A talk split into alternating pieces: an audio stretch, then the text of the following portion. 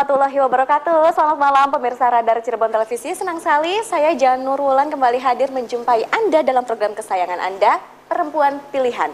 Program yang hadir setiap Sabtu malam pukul 7 malam hingga pukul 8 malam Bersama saya Janur Wulan.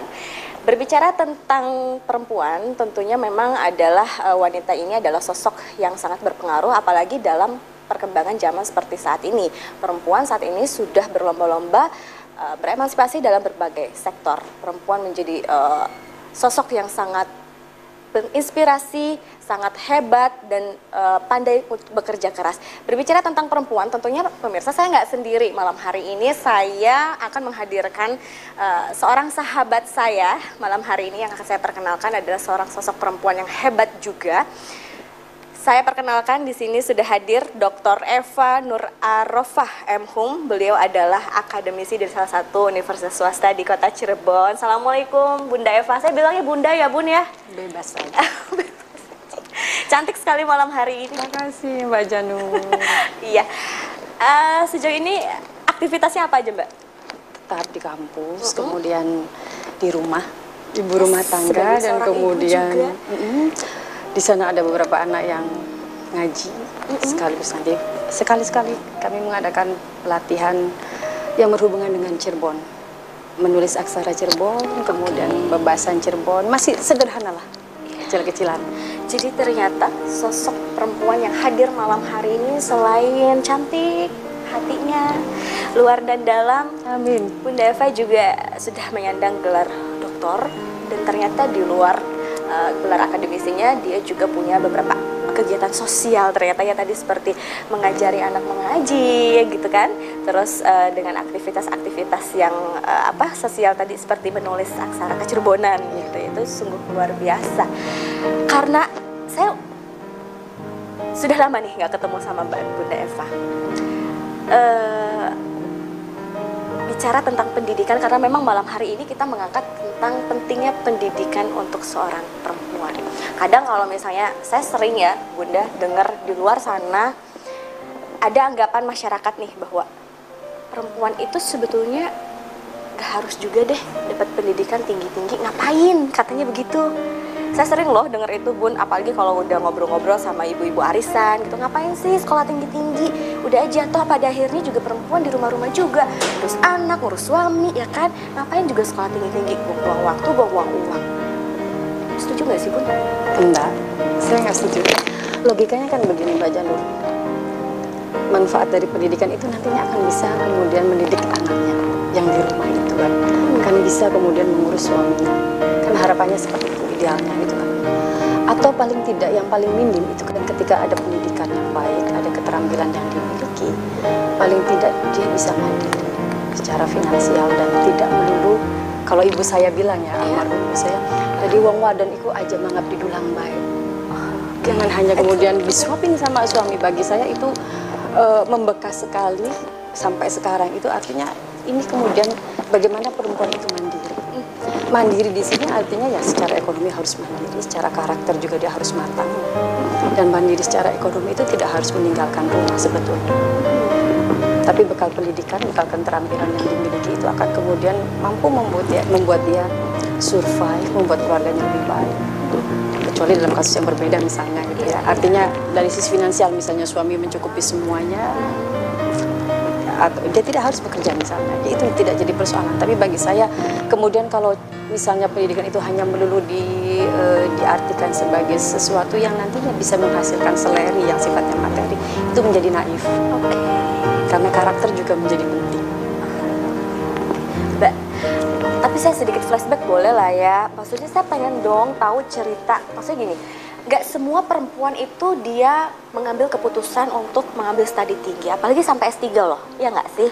Ada mungkin bahkan nggak sedikit juga uh, di luar sana yang udahlah saya udah cukup sampai S sarjana aja udah cukup uh, bekerja dan menikah, selesai sampai di sana. Apa sih yang menjadi motivasi Mbak sampai akhirnya setelah sarjana, lalu ke S2, lalu kuliah lagi ke S3 atau jangan-jangan setelah S3 Mbak mungkin mau studi lagi gitu? Insya Allah Boleh kalau ada kesempatan. Uh, jadi begini, kalau saya karena basic saya, keluarga saya, latar belakang saya itu dari keluarga pesantren, mungkin akhirnya segala sesuatu saya mencoba mengembalikannya kepada spiritual artinya ajaran Al-Quran. Kalau misalnya dalam Al-Quran itu Allah memberikan penjelasan tentang alam dan diakhiri dengan kalimat afala tatafakkarun afala taqilun afala tatadabbarun afala tatadakkarun. Bagi saya semuanya itu memerintahkan kita untuk memaksimalkan kerja otak kita dan salah satunya yang memang cara untuk uh, melakukan uh, apa merealisasikan itu semua ya dengan jenjang pendidikan dengan menempuh pendidikan formal atau informal yang baca tidak harus kemudian atau apa namanya uh, tidak harus semua formal ditempuh tidak harus bisa yang informalnya juga bisa proses perjalanan hidup Iya. kita juga sebagai seorang perempuan itu bisa dikatakan proses pembelajaran untuk kita ya Iya. Bun ya. Jadi kemudian tidak harus pendidikan itu selalu diartikan sebagai sesuatu yang terlembaga secara formal. Tidak harus begitu. Tetapi bagaimana bagaimana belajar dari sekitar kita itu juga menjadi sesuatu yang penting. Artinya pendidikan sosial, ngaji sosial kalau saya membuat istilah itu juga menjadi penting sekali. Tidak hanya untuk memperkaya diri sendiri, tapi juga bagaimana kita bermanfaat. Itu juga menjadi sesuatu yang penting. Kalau boleh tahu Mbak, Eva ini anak yang keberapa dari berapa bersaudara? Kami banyak sekali. Ibu saya 12 Oh my god, Anaknya. 12 jumlah 12, anak dari 12 ibunda tercinta. Mungkin karena dulu belum ada KB mungkin ya atau ada KB tapi ibu saya sempat berpikir begini koton katanya alah biarin aja kayaknya biar umat Islam jumlahnya sedikit di KB-KB itu jadi itu orang tua zaman dulu tapi tetapi kan tapi ibu saya berpesan kepada anak-anaknya kalian nggak bakalan kuat saya kasih maksimal itu empat saja. Menurut ibu paling ideal begitu dengan eh, apa namanya situasi sekarang kesibukan anak-anaknya mungkin memang memang memang untuk lebih baiknya itu kan seperti itu gitu kan udah nggak bakalan kuat kalian kalau sampai 12 kayak saya empat aja cukup Iya, oke. Apa dari 12 semua dan 11 saudaranya Mbak Eva juga semua mengenyam pendidikan tinggi? paling tidak S1 semua ditempuh dan sambil mesantren Oh iya. Jadi yang mungkin agak membedakan itu kan ada ada keluarga yang hanya kemudian menempuh jenjang eh, akademisi saja atau mungkin kemudian pesantren saja. Kalau ibu saya memang mengharuskan itu harus harus ada cicipi mondok harus ada begitu. Jadi hampir semua segi spiritualnya Eh, eh, mungkin ya. jadi saya kira itu menjadi penting ketika ibu saya tidak melulu kalau misalnya pendidikan formal itu di, di, di kita eh, apa kita sandingkan dengan pendidikan yang eh, sesuatu yang sifatnya untuk sesuatu yang berbau lebih agak duniawi maka memperkuatnya itu dengan kemudian pendidikan agama itu ya melalui pesantren itu jadi kami hampir semua mencicipi Betul. mencicipi eh, ini pesantren Iya, iya. Ya memang karena kalau bicara tentang pendidikan tadi yang Bunda bilang betul ya. Jadi pendidikan itu nggak hanya sekedar saja pendidikan akademisi yang Ya, sifatnya yang lembaga formal, tapi- ya, yang formal. tapi juga proses kehidupan sehari-hari kita juga itu adalah sebuah pendidikan untuk kita pribadi apabila mungkin kita eh, apa namanya ya lihai untuk mengolah Iya. apa sih yang sebetulnya terjadi di setiap harinya kita. Kalau kita pintar mengolah nilai berarti kita bisa mengambil hikmahnya menjadi pembelajaran untuk kehidupan kita begitu ya Bunda ya. Pasti tentunya untuk mencapai jenjang yang sangat tinggi apalagi sampai ke S3 itu semua orang punya ceritanya tersendiri. Saya nanti ingin tahu bagaimana kisah perjalanan hidup seorang bunda dari mulai eh, apakah memang cita-citanya ingin menjadi dokter atau ini terjadi begitu saja atau bagaimana nanti kita cerita banyak ya Bun ya. Dan Anda pemirsa jangan ke mana-mana tetap bersama kami di Perempuan Pilihan setelah yang satu ini kita akan segera kembali.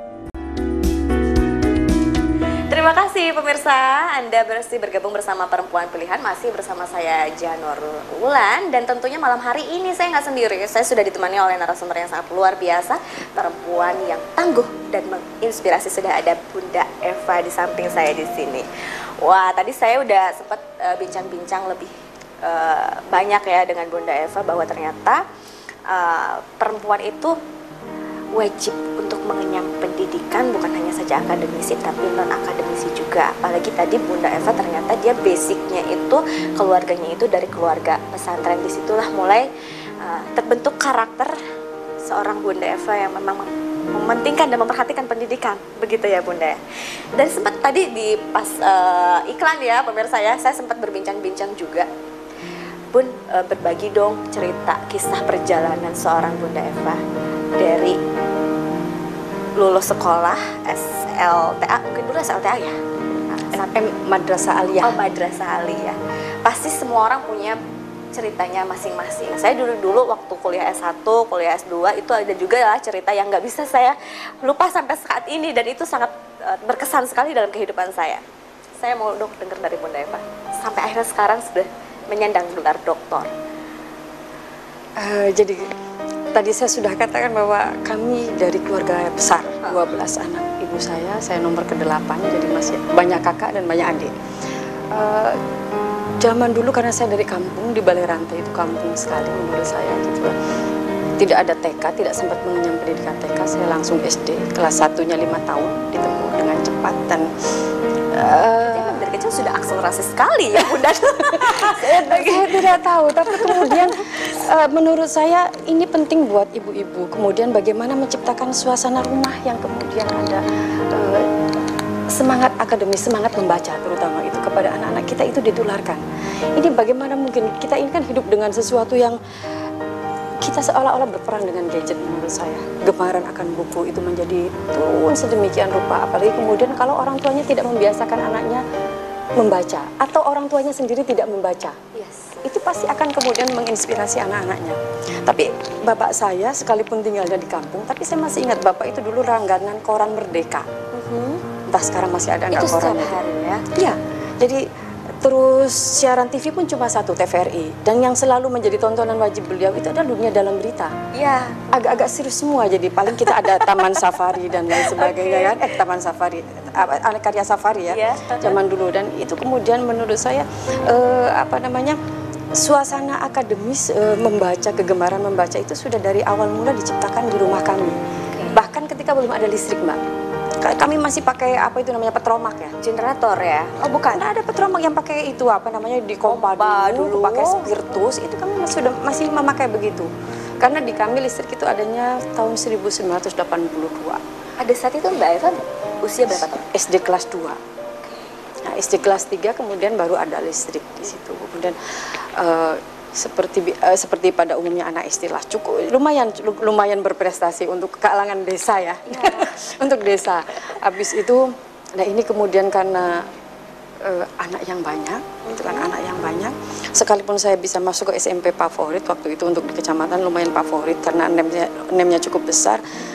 Tapi kendala kendala anak banyak lahir dalam jangka tahun yang berdekatan jadi tiga tahun itu ibu saya anaknya dua. Uh -uh akhirnya membuat semua besar semua dan uh, kemauan ibu saya untuk uh, menyekolahkan anaknya sambil mondok sepertinya itu harga mati. Maka kemudian biaya menjadi persoalan. Menurut saya ada tahap ketika biaya itu menjadi persoalan ketika tambaknya tidak bagus atau jualan tanah uh, minyak tanah ada rugi gitu. Jadi saya sempat seminggu di SMP negeri di SMP apa di SMP tapi kemudian karena di keluarga besar kami itu mbah itu punya yayasan di situ ada madrasah sanawiyah maka akhirnya dengan alasan yang sangat naif menurut saya itu kan kata bapak saya udah kamu pindah saja ke MTS depan rumah iya. Mah saya bilang itu sudah pindah nanti kalau kamu lapar nggak usah pakai uang jajan jadi pulang ke rumah makan Oke. Okay. tapi di situ juga kemudian bapak saya mengajarkan duha dulu baru makan jadi mu mungkin itu ada ada untungnya juga ketika masih bisa terkontrol dengan dengan jarak dekat itu membuat orang tua masih bisa mengkontrol kami. Hmm. Selain tentu saja hemat ya. Ya. Dari situ kemudian saya mulai melanjutkan ke Alia, ke Alia di di Pleret waktu itu. Uh, tinggalnya agak istimewa karena ada salah satu pesantren milik keluarga yang sebetulnya tidak boleh sekolah di luar, tapi saya karena saudara saya boleh di situ. Uh -huh saya di antara teman-teman yang kemudian mondok salaf, saya sekolah di negeri di luar. Jadi itu juga mungkin karena e, terbiasa dengan teman-teman yang belajar kita menghafal. Jadi itu mungkin mengilhami saya, menginspirasi saya, membuat keinginan untuk kemudian menghafal Al-Quran itu tumbuh. Iya, nah, jadi saya sempat dengar juga katanya Mbak Bunda Eva juga uh, hafiz Quran juga ya, sudah hafal 30 juz. Insya Allah. Itu luar biasa sekali ya, itu sangat prestasi sekali untuk seorang perempuan. Tapi kemudian Mbak Janus saya memulai serius itu karena saya pikir lagi-lagi urusan biaya. Saya bilang saya pengen ngapalin Al-Quran aja. Bapak saya bilang udah ke Institut Ilmu Al-Quran di Jakarta. Cek cek cek cek survei gitu kan ternyata mahal gitu. Terus saya bilang terus gimana dong gitu. Sudah kamu ke Jogja saja. Akhirnya saya ke Jogja cita-cita salah satu cita-cita yang terbesit oleh saya sepanjang ingatan saya itu, saya hanya satu punya satu cita-cita. Saya pengen menjadi penyiar berita. Oh God. Boleh kapan-kapan ya jadi penyiar berita di Boleh. Radar Cirebon. Boleh. Apa yang membuat Bunda Eva pada saat itu berpikiran, oh saya pengen jadi seorang penyiar berita? Apa mungkin Saya- karena hanya ada channel satu channel pada saat itu atau hanya ada satu channel dan orangnya itu itu saja. Oke. Jadi kita eh, fokus kita itu hanya kepada orang itu. Saya pikir itu yang menginspirasi saya itu Inke Maris. Oke, ya, ya, zaman Ya, zaman zaman sekarang. Tapi kayaknya eh, Saya belum lahir sepertinya dan, dan tidak ada salahnya kemudian coba mencari siapa itu Inge Maris. Saya kira itu dia eh, punya penguasaan bahasa Inggris yang sangat bagus. Dia pembaca berita tapi juga sekaligus kalau saya nggak salah ingat ya dia itu eh, penerjemah resmi kepresidenan. Jadi setiap kali ada acara resmi-resmi kepresidenan maka ibu itulah yang kemudian dilibatkan sebagai penerjemah. Saya kira ini menarik sekali ketika tipe perempuan itu cascis cus dengan bahasa orang lain gitu kan. Eh, jadi kemudian saya pergi ke Jogja. Tidak berma- eh, bermaksud untuk menghafal Al-Quran, tapi pengen kursus, eh pengen sekolah bahasa asing. Pengen sekolah bahasa asing.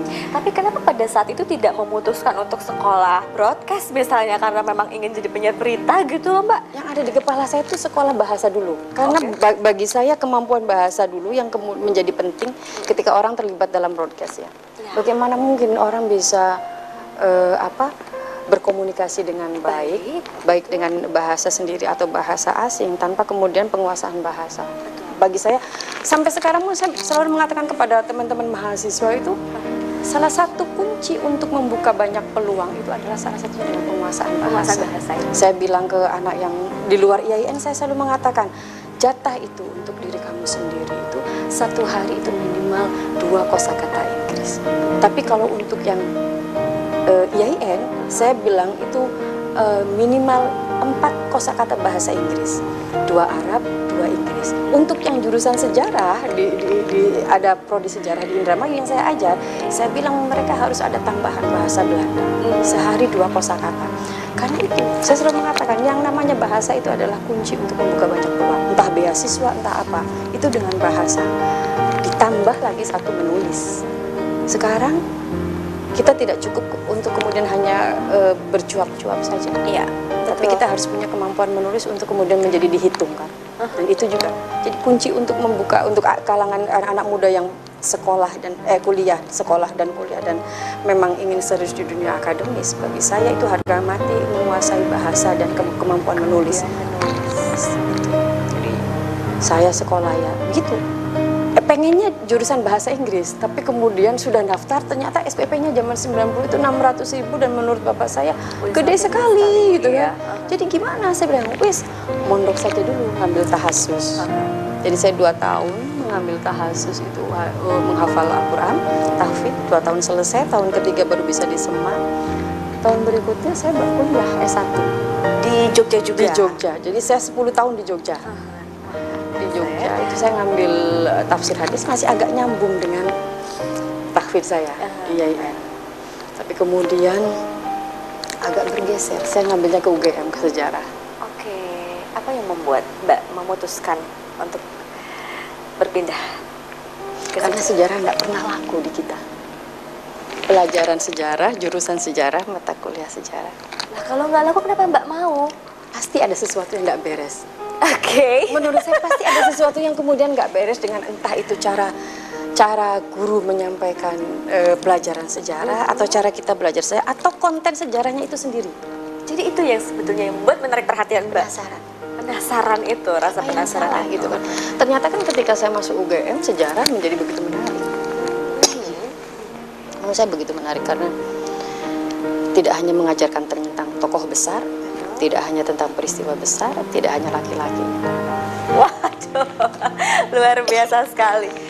Eh, tentunya ada fase-fase tertentu yang mungkin orang tidak semuanya ketika ingin menginginkan sesuatu itu berjalan dengan mulus. Ada mungkin kendala dalam sebuah eh, fase kehidupan eh, dalam mencapai semua impian-impian Mbak menjadi seorang perempuan yang hebat gitu, terutama sukses dalam pendidikan. Adakah kisahnya yang bisa mungkin Mbak share ke kita semua di sini sebagai seorang perempuan yang mungkin dari kisah perjalanan hidup baik itu akan menginspirasi kita semua nanti di segmen berikutnya. Mirsa Anda jangan ke mana-mana, tetap bersama kami di Perempuan Pilihan. Kembali lagi dalam program kesayangan Anda, Perempuan Pilihan masih bersama saya Janurulan dan Bunda Eva di samping saya adalah seorang perempuan yang tangguh dan juga menginspirasi saya tadi sempat ingin saya penasaran gitu. Maksudnya uh, Mbak Bunda Eva punya perjalanan kisah kehidupan tersendiri nggak sih? Cerita kisah perjalanan Mbak dalam mencapai impian itu kan tidak berjalan semuanya mulus. Pasti ada aja yang namanya kendala rintangan. Mungkin ada fase-fase di mana Mbak dalam fase yang sangat ada ada di titik yang aduh lelah gitu loh maksudnya untuk mencapai sebuah impian gitu. Iya, ada ada ada banyak ya banyak menurut saya. Uh, selesai S2 pulang ke Cirebon dari jurusan sejarah gitu kan. Tahun berapa itu, Mbak? Tahun 2003. Saya masih saya masih dilibatkan beberapa kali dalam riset-riset yang di di di di, di anu apa? UGM yang mengadakan itu kan. Ada beberapa kali riset UGM dengan dengan Institute for War Documentation dengan dokumentasi Belanda itu saya ikut seleksi uh, dari 60 orang sampai ke 40, 40, 20, 20, 14, 14 ke 5 beberapa eh, kemudian kami berangkat ke Belanda untuk uh, ini presentasi riset. Kemudian riset uh, tentang wakaf dalam perspektif sosial bukan dalam dalam perspektif agama sudah banyak kita bahas tapi ini dalam perspektif sosial. Itu juga masih bersama UGM. Nah, tapi kemudian saya merasa bahwa agak sentimental boleh ya. Karena ini berhubungan dengan ibu saya yang kemudian beranjak sepuh dan 12 anaknya itu kemudian masing-masing di bawah pasangannya. Jadi ada tahap yang ibu saya kemudian begitu kesepian. Seperti protes gitu. Akhirnya saya kok saya nggak tahu. Jadi saat itu terbesit dalam di kepala saya bagaimana saya dan ibu saya ketika salah satu pergi diambil oleh Allah itu kami berdekatan. Saya cuma punya keinginan begitu. Jadi saya kalau riset saya mau karena riset itu kan mungkin satu bulan sekali saya harus membuat progres report ke UGM apa gitu kan. Ya. e, meringankan buat saya. Tapi kalau harus masih tetap menetap di Jogja setelah 10 tahun di sana bagi saya tidak tenang. Teringat ibu saya terus gitu kan. Akhirnya saya memutuskan untuk kembali ke Cirebon. Nah di situ kemudian saya mulai kesulitan. Ternyata kan memang lagi-lagi ini perlu urusan dengan sejarah. Yang kemudian tidak begitu laku jurusan sejarah apa gak ada ya. kan? Jadi saya tetap riset uh, dengan Kementerian Kelautan dengan dengan dengan uh, apa disput par provinsi lebih banyak lebih banyak riset saya daripada di kampus. Karena di kampus saya ngajarnya hanya yang mirip-mirip dengan humaniora kan? Kalau uh, uh, apa uh, fakultasnya kan di humaniora tapi kemudian ada jurusan sejarah ada antropologi di situ. Jadi agak kacau mengajar itu tapi saya di, uh, di, di, di, di, di uh, refresh pengetahuan saya itu melalui riset sejarah itu yang banyak terlibat itu itu yang menjadi kendala kemudian kan hafalan saya itu sudah amburadul, tidak terurus sama sekali, tidak terurus sama sekali. Tiba-tiba kemudian ada teman yang bilang begini, e, Fa mau nggak kamu ikut lomba hafalan Al-Quran, musabaqah tilawatil Quran. Waktu itu di Jambi. Saya bilang saya hafalannya entah bagaimana gitu kan, coba dicek aja dulu.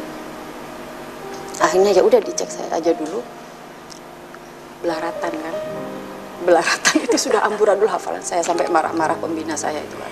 Bagaimana kamu mengklaim diri kemudian kamu hafal 30 juz, sudah ikut hatil Quran, tapi kemudian kamu nggak bisa membuktikan apa-apa. Bahkan untuk sesuatu yang sangat elementer, hafal. Orang penghafal Al-Quran ya hafal. Nanti kemudian ada tahapan yang jauh lebih penting itu ketika memahami maknanya. Betul gitu.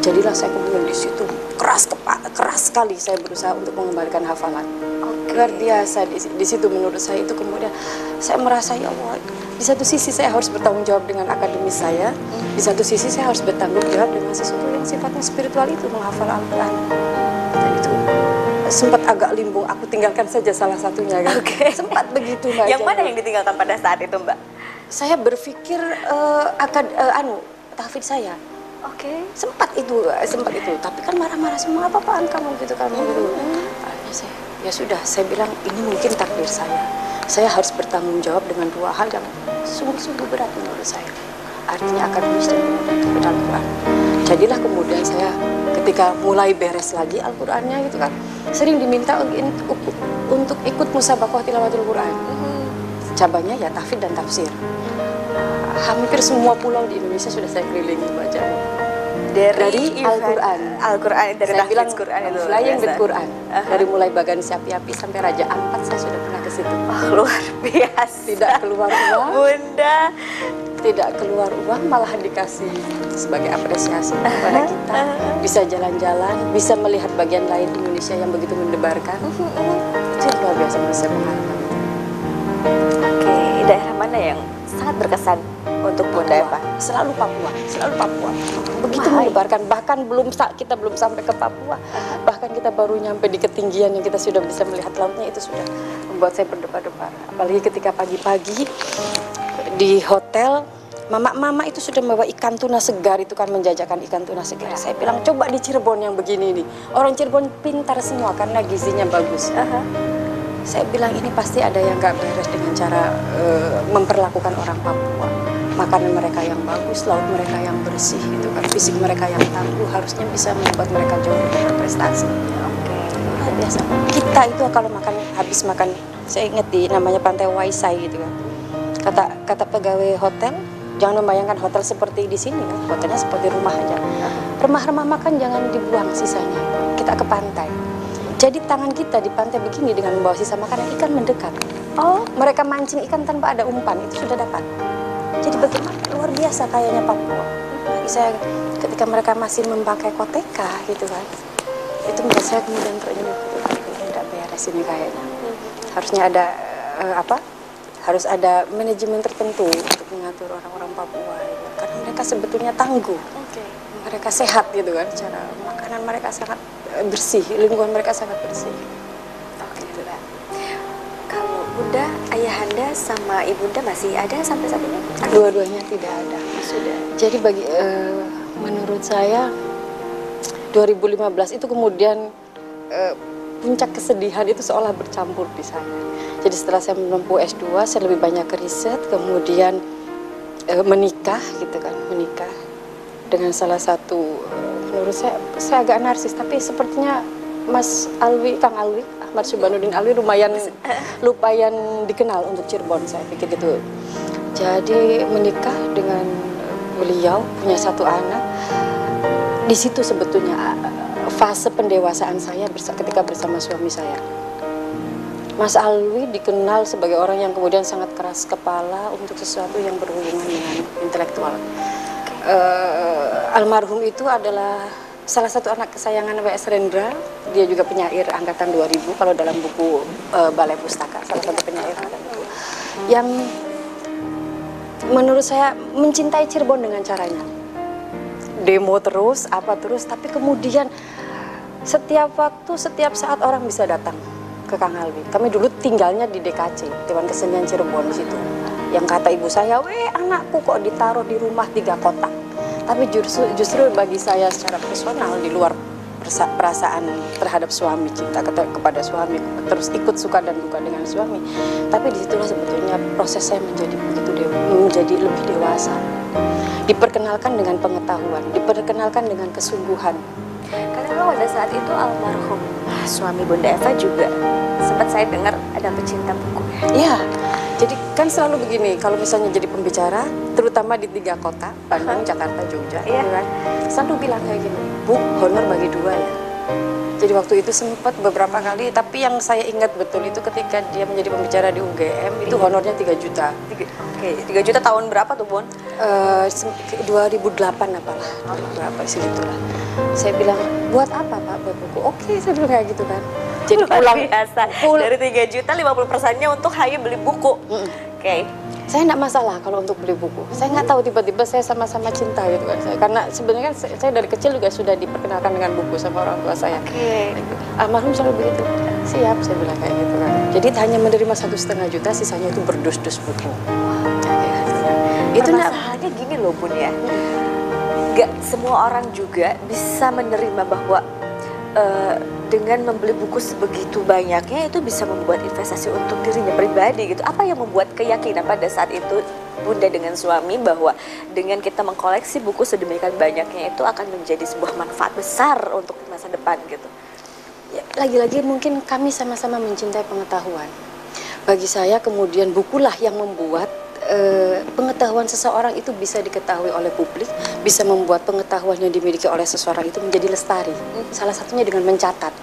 Saya selalu mengatakan, kalau minat eh, baca Indonesia salah satu yang terendah di dunia dan mayoritasnya Muslim itu menyedihkan. Karena Al-Quran itu perintah pertama itu adalah ikro. Tetapi itu tidak cukup sebetulnya. Jangan separuh-separuh. Ikro itu ayat pertama itu adalah lima ayat. Di dalamnya masih ada yang namanya alladzi 'allama bil qalam. Dan alladzi 'allama bil qalam itu adalah bagian dari sesuatu yang kalau kita sekarang tren itu ya literasi. Ada menulis, ada analisa, ada menghafal, ada diskusi, ada mutolaah kalau dalam konsep Islam. Iya. Dan itu dan kami dengan suami itu sepakat salah satunya itu medianya adalah dengan buku. Kan belum banyak e-book seperti sekarang. Belum ada apa namanya internet belum seperti sekarang. Jadi saya selalu merelakan untuk kemudian honor itu separuh. Separuhnya untuk Romantis sekali Bunda itu sebetulnya. ada yang agak saya protes, Mbak Janur. Apa yang membuat Bunda? Yang membuat saya menye- menyebal, menurut saya menyebalkan. Pernah suatu kali diundang di Kuningan Heeh. untuk menjadi pembicara seminar. Iya. Honornya waktu itu sejuta setengah. Terus eh, mana honor? Itu apa honornya? Dibelikan gelombang cinta dan bunga anggrek bulan. Itu yang bagi saya menyebalkan itu kan apa? Kami sama-sama suka bepergian. Aha. Siapa nanti yang mengurus? Saya bilang kayak gitu kan. Yang buat saya nggak tega itu di luar mahal Tapi ya. anggrek itu kan memang tumbuhan yang memang dia untuk perawatannya nggak begitu ribet juga sih Bun. Nggak tahu saya bilang kayak gitu kan. Pokoknya sama gelombang cinta yang lagi tren itu kan. Belum belum besar, tapi sudah 750 ribu kata dia harganya. Iya, Saya lagi bilang, tren-trennya pada saat "Hmm," itu ya. saya, kalau saya masih mikir, kalau untuk yang ini saya masih mikir mending beli ikan, beli ayam. Saya bilang Tapi pada gitu. saat itu Mas Alwi berpikir hal pindah haluan dari tadi ber- berbisnis tulisan pindah ke bunga-bunga. Saya kira itu bagian dari hobi, kemudian bagian dari refreshing. Kalau mau lihat itu yang namanya koleksi binatang, koleksi tumbuhan banyak sekali. Oke. Jadi itu bagian dari refre- refreshing aja kan ya. Wah berarti kalau misalkan gitu terlep apa eh, berla- apa namanya ini keterkaitan dengan hobi yang sama gitu Iya. ya. Sama-sama Iya. hobi membaca buku dari tahun berapa tuh ya? Dari pas pertama nikah mungkin ya itu. Jadi almarhum sendiri sudah mengoleksi buku banyak, tetapi kemudian kami bersama itu menjadi semakin banyak. Jadi kalau sekarang di rumah itu Mbak Janur ada sekitar lima ribuan. wow. Lima ribu unit buku. Itu sangat jumlah yang sangat luar biasa. Dan tentunya diapakan? Ya kan buku sampai sebegitu banyaknya sampai beribu-ribu. Nanti kita akan coba bahas lagi lebih dalam lagi karena saya penasaran di rumah ada 5000 buku. Bayangkan butuh berapa waktu untuk membaca semuanya. Anda juga pasti penasaran jangan ke mana-mana. Tetap bersama kami di Perempuan Pilihan Iya pemirsa terima kasih banyak Anda masih setia bersama kami dalam program kesayangan Anda Perempuan Pilihan yang hadir setiap Sabtu malam pukul 7 sampai pukul 8 malam Sabtu malam itu bersama saya Jana Rulan dan malam hari ini masih bersama Bunda Eva di sini. Tadi sempat bincang-bincang katanya di rumahnya ada sampai ribuan buku. Saya tanya sama Anda. Dalam waktu satu hari ada berapa buah buku yang Anda bisa tamatkan untuk dibaca ya kan ini 5000 buku loh. Itu serius Bunda. Ada 5000 buku di rumah. Ada sekitar segitu. Berkunjunglah nanti ke rumah. Jadi sebet- kapan kapan saya berkunjung? boleh boleh. Jadi em, sebetulnya itu kan buku gabungan antara almarhum suami saya dengan saya yang tadi saya ceritakan bahwa saya merasa tertarik karena begini Mbak Janur. Orang punya uang mungkin tidak sempat untuk berpikir membeli buku. Orang punya uang itu masih ber- masih berpikirnya motor dulu, mobil dulu, rumah dulu. Tapi suami saya itu keras kepala rupanya untuk urusan buku harga mati harus beli. Dan itu memudahkan sekali ketika saya harus menempuh S3 gitu kan. Yang lain itu harus pergi ke perpustakaan, mandi dulu, pakai baju yang rapi gitu ya. Kemudian pakai naik kendaraan dan lain sebagainya. Saya masih bisa dengan baju kebangsaan saya sebagaimana layak perempuan umumnya daster. Daster, ya. daster. Tapi saya sudah bisa membuka buku, saya bisa mengetik di laptop tanpa harus saya pergi ke mana-mana. Jadi saya merasa terbantu sekali dengan dengan itu semua ya, dengan buku yang ada itu. Apalagi kemudian beberapa koleksi memang agak langka buku lama itu agak agak agak agak susah dicari gitu kan. Jadi itu itu yang menurut saya membahagiakan saya gitu. Sepertinya almarhum sudah mempersiapkan ketika harus pergi itu saya nggak dibikin repot dengan buku dengan satu yang sifatnya akademis. Dan itu eh, ketika eh, pergi, ketika almarhum pergi, saya eh, berpikir begini, saya nggak mau ini menjadi sesuatu yang kemudian mubazir. Sekalipun orangnya pergi, tapi saya berharap ketika buku ini dimanfaatkan oleh siapa pun, teman-teman mahasiswa, teman-teman siapa, anak-anak sekitar yang di desa saya, gitu kan, bisa dimanfaatkan, bisa diambil ilmunya. Itu bisa ada pahala yang kemudian akan sampai kepada almarhum. Saya berharap itu tidak pernah pahala Hmm, jadi- mengalir. ada tawaran yang banyak dari teman-teman yang di kota gitu kan Uh-huh. yang di sini teman-teman almarhum mbak bagaimana kalau bukunya kami sediakan tempat bukunya dibawa ke sini di kota di tengah kota. Tapi harus syaratnya harus di kota. Saya bilang enggak. Bukan persoalan kemudian kota dan desa. Bagi saya di mana pun ada sesuatu yang diraih dan itu berguna orang akan mendatangi. Itu yang pertama. Tapi yang jauh lebih penting lagi bagi saya Wis toh, jangan semua terpusat ke kota. Biarkan itu menjadi perpustakaan desa. Saya nggak mau kemudian eh, seolah-olah eh, desa tidak punya apa-apa. Balai Ranti nanti punya perpustakaan. Desa saya Balai Ranti nanti punya perpustakaan yang kemudian orang dari mana pun bisa datang ke situ ketika membutuhkan. Iya. Ada Mbak Janur, cita-cita saya yang belum terwujud itu membuat rumah sejarah Cirebon sebetulnya. Saya seperti kehilangan mitra ketika suami saya nggak ada itu agak Kebingungan. Eh, eh, agak kebingungan tapi ada teman itu itu sebe- eh, eh.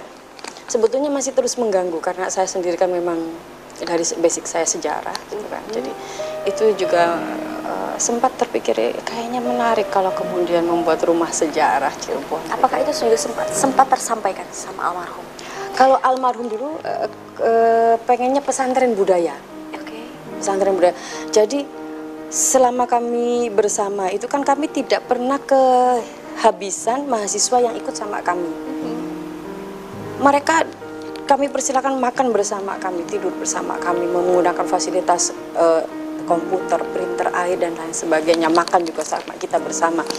Dengan syaratnya cuma dua, baca buku dan setor tulisan dulu waktu masih di, di DKC dan alhamdulillah beberapa beberapa orang kemudian saya pikir mereka eh, menjadi eh, apa matang dan mapan berkat di, berkat salah satunya ya bukan karena berkat kebersamaan kami itu.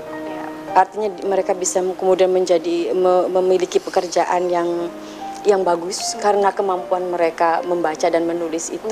Dan bagi saya itu eh, membuat mereka survive dan survive untuk bertahan hidup secara ekonomi gitu. Tapi kemudian ada kematangan sendiri kematangan intelektual juga yang paling tidak sedikit atau banyak ketika kami bersama mempengaruhi mereka. Iya. jadi jadi itu menurut saya bagian dari eh, apa namanya sedekah sosial itu tidak harus berupa materi jadi berupa pengetahuan juga memberikan kasih, Iya. memberikan sayang kepada sesama yang pada akhirnya kasih dan sayang itu menjadi sebuah kekuatan tersendiri untuk mereka pengetahuan. pengetahuan luar biasa sekali itu. Terus sekarang perpustakaannya jalan sampai sekarang Bu? jalan alhamdulillah masih jalan masih eh, cuma memang saya kesulitan untuk mencari tenaga yang bukan profesional tapi serius gitu artinya kalau ada buku yang dipinjam itu dikembalikan. Siapa yang meminjam jelas perjanjian untuk sebagaimana layaknya profesional Betul. perpustakaan. Karena sudah terlalu banyak yang hilang. Bukan hilang pinjam dan tak kembali.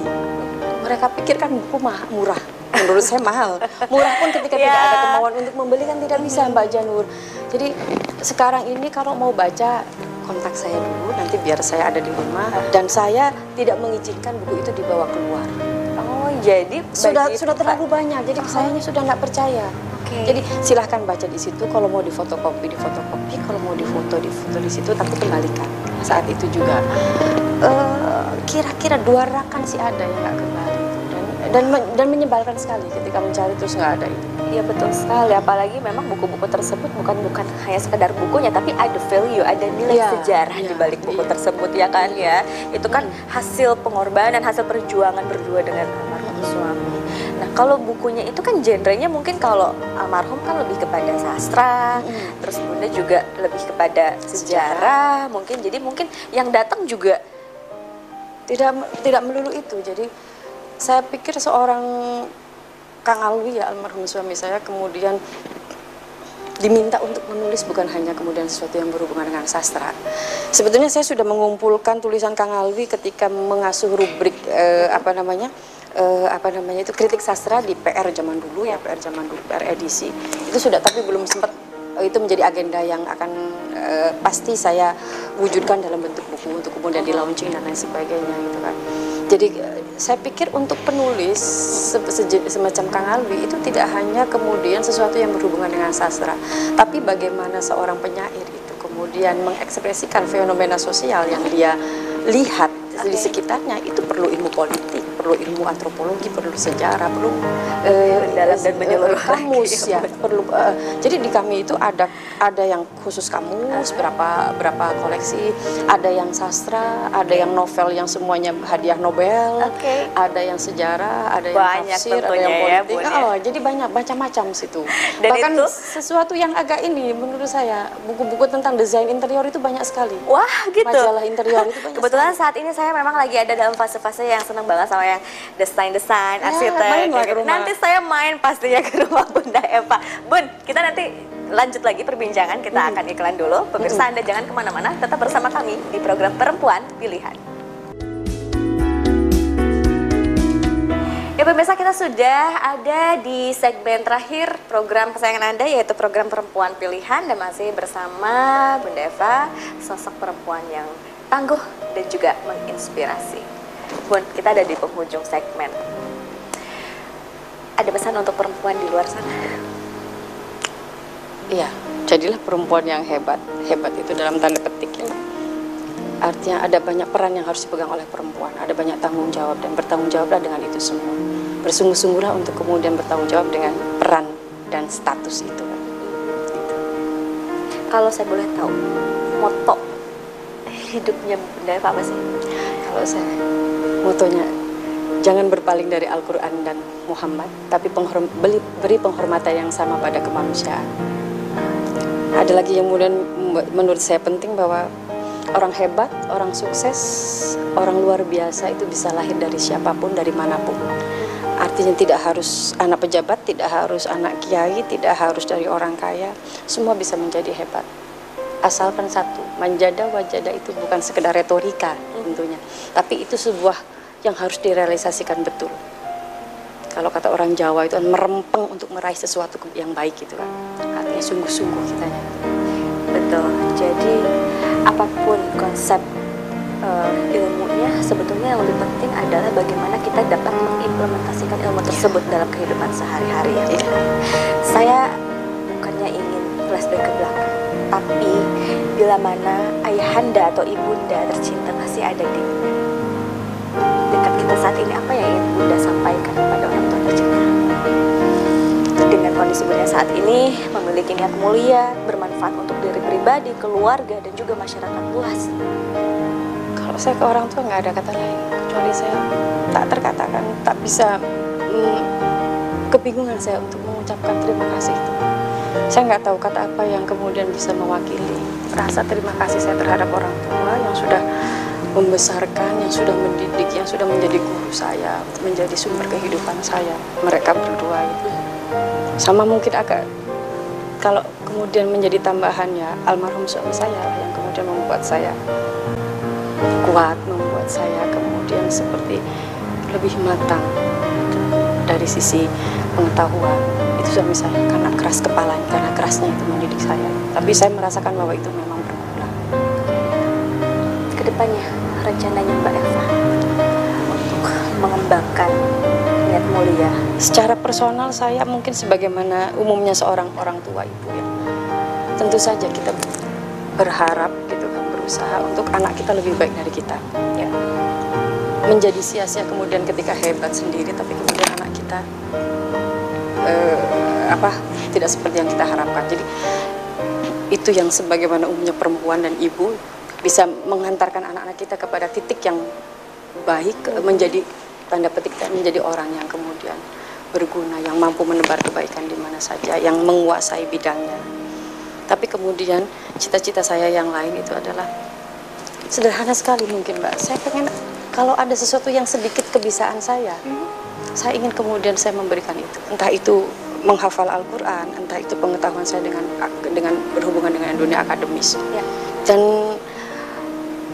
tidak ada sama sekali unsur komersil. Saya bilang kayak gitu. Kalau untuk urusan ngaji, tidak ada sama sekali unsur komersil atau apa itu kan.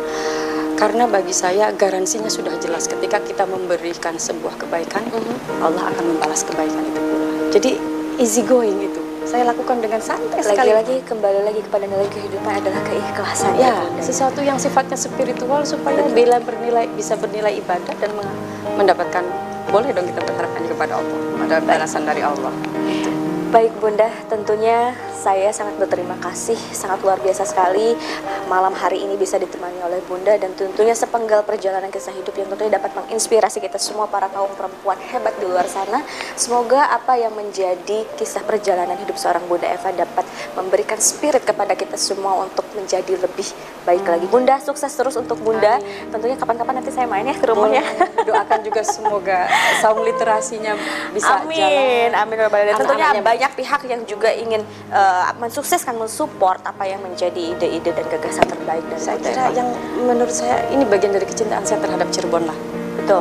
Saya ikhtiarnya hal kecil saja yang bisa saya lakukan. Anak di desa saya itu juga hanya berapa anak yang kemudian bisa bahasa pegon, bisa menulis cacaran itu sudah membuat saya bahagia. Betul. Baik, terima kasih Bunda. Nanti kapan-kapan kita ketemu lagi. Ya pemirsa, setiap ide berasal dari mana saja. Maka dari itu, bukalah mata Anda, buka pikiran Anda, karena ide dan hal-hal baru kita tidak pernah tahu akan datang dari mana. Ide-ide hebat yang akan mengubah diri kita menjadi lebih baik lagi. Dan tentunya Anda para kaum perempuan hebat di luar sana harus percaya bahwa ide-ide itu akan muncul di pintu-pintu yang memang khusus dibukakan untuk kita semua. Saya Janur Wulan dan seluruh kerabat kerja yang bertugas pamit undur diri. Jangan lupa saksikan terus Perempuan Pilihan setiap hari Sabtu pukul 7 malam hingga 8 malam bersama saya Janur Wulan. Saya pamit undur diri. Wassalamualaikum warahmatullahi wabarakatuh.